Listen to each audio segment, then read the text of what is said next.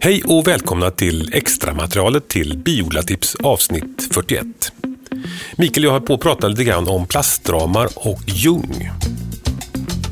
Förra året jag satte ut på ljungdrag, som inte blev något, men de ramarna jag satte ut då, det Ja. var plastramar. Ja, Så att de kan man ju Smart. riktigt hårt Ja. eh, utan att de går sönder. Då. absolut. Eh, Men jag får, jag får göra ett nytt försök i år då, så ifall det teoretiskt funkar bättre. Har du något speciellt ställe med ljung som du vet hos er eller?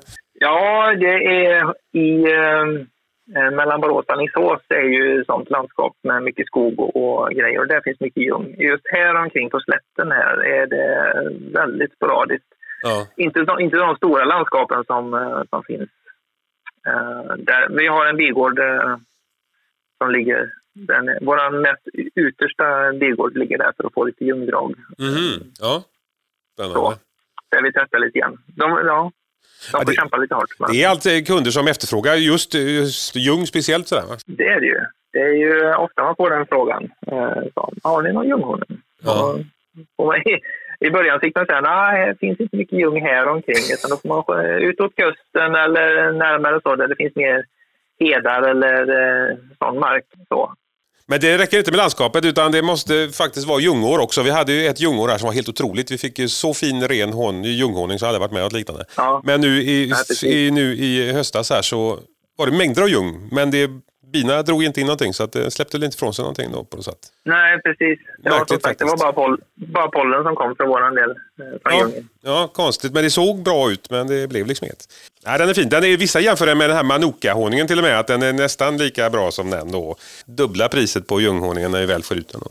Ja, precis. Jo, men det tycker jag. Jag eh, är inte blyg med att ta ordentligt betalt för det är ingen, det är ingen rolig honung att jobba med. Nej, nej precis. Och, det, nej, och den är väl mest idé att sälja i, i burkar för dig, höll jag på att säga. Att inte på bulk sådär. ja, jo, precis. Jag får ju inte så mycket eh, utan eh, det som jag får eh, och väl får ur ramarna sen, det, det burkar jag i mindre burkar och säljer som mer sån. E- exklusiv sak. Ja, precis. Jo. precis.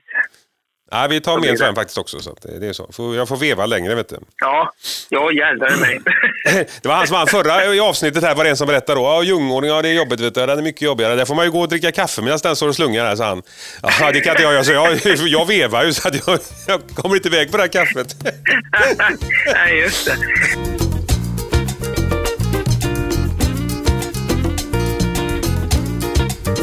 Men Jag hörde och såg en på Instagram faktiskt som eh, färgade eh, sockerlösningen med rödbetssaft.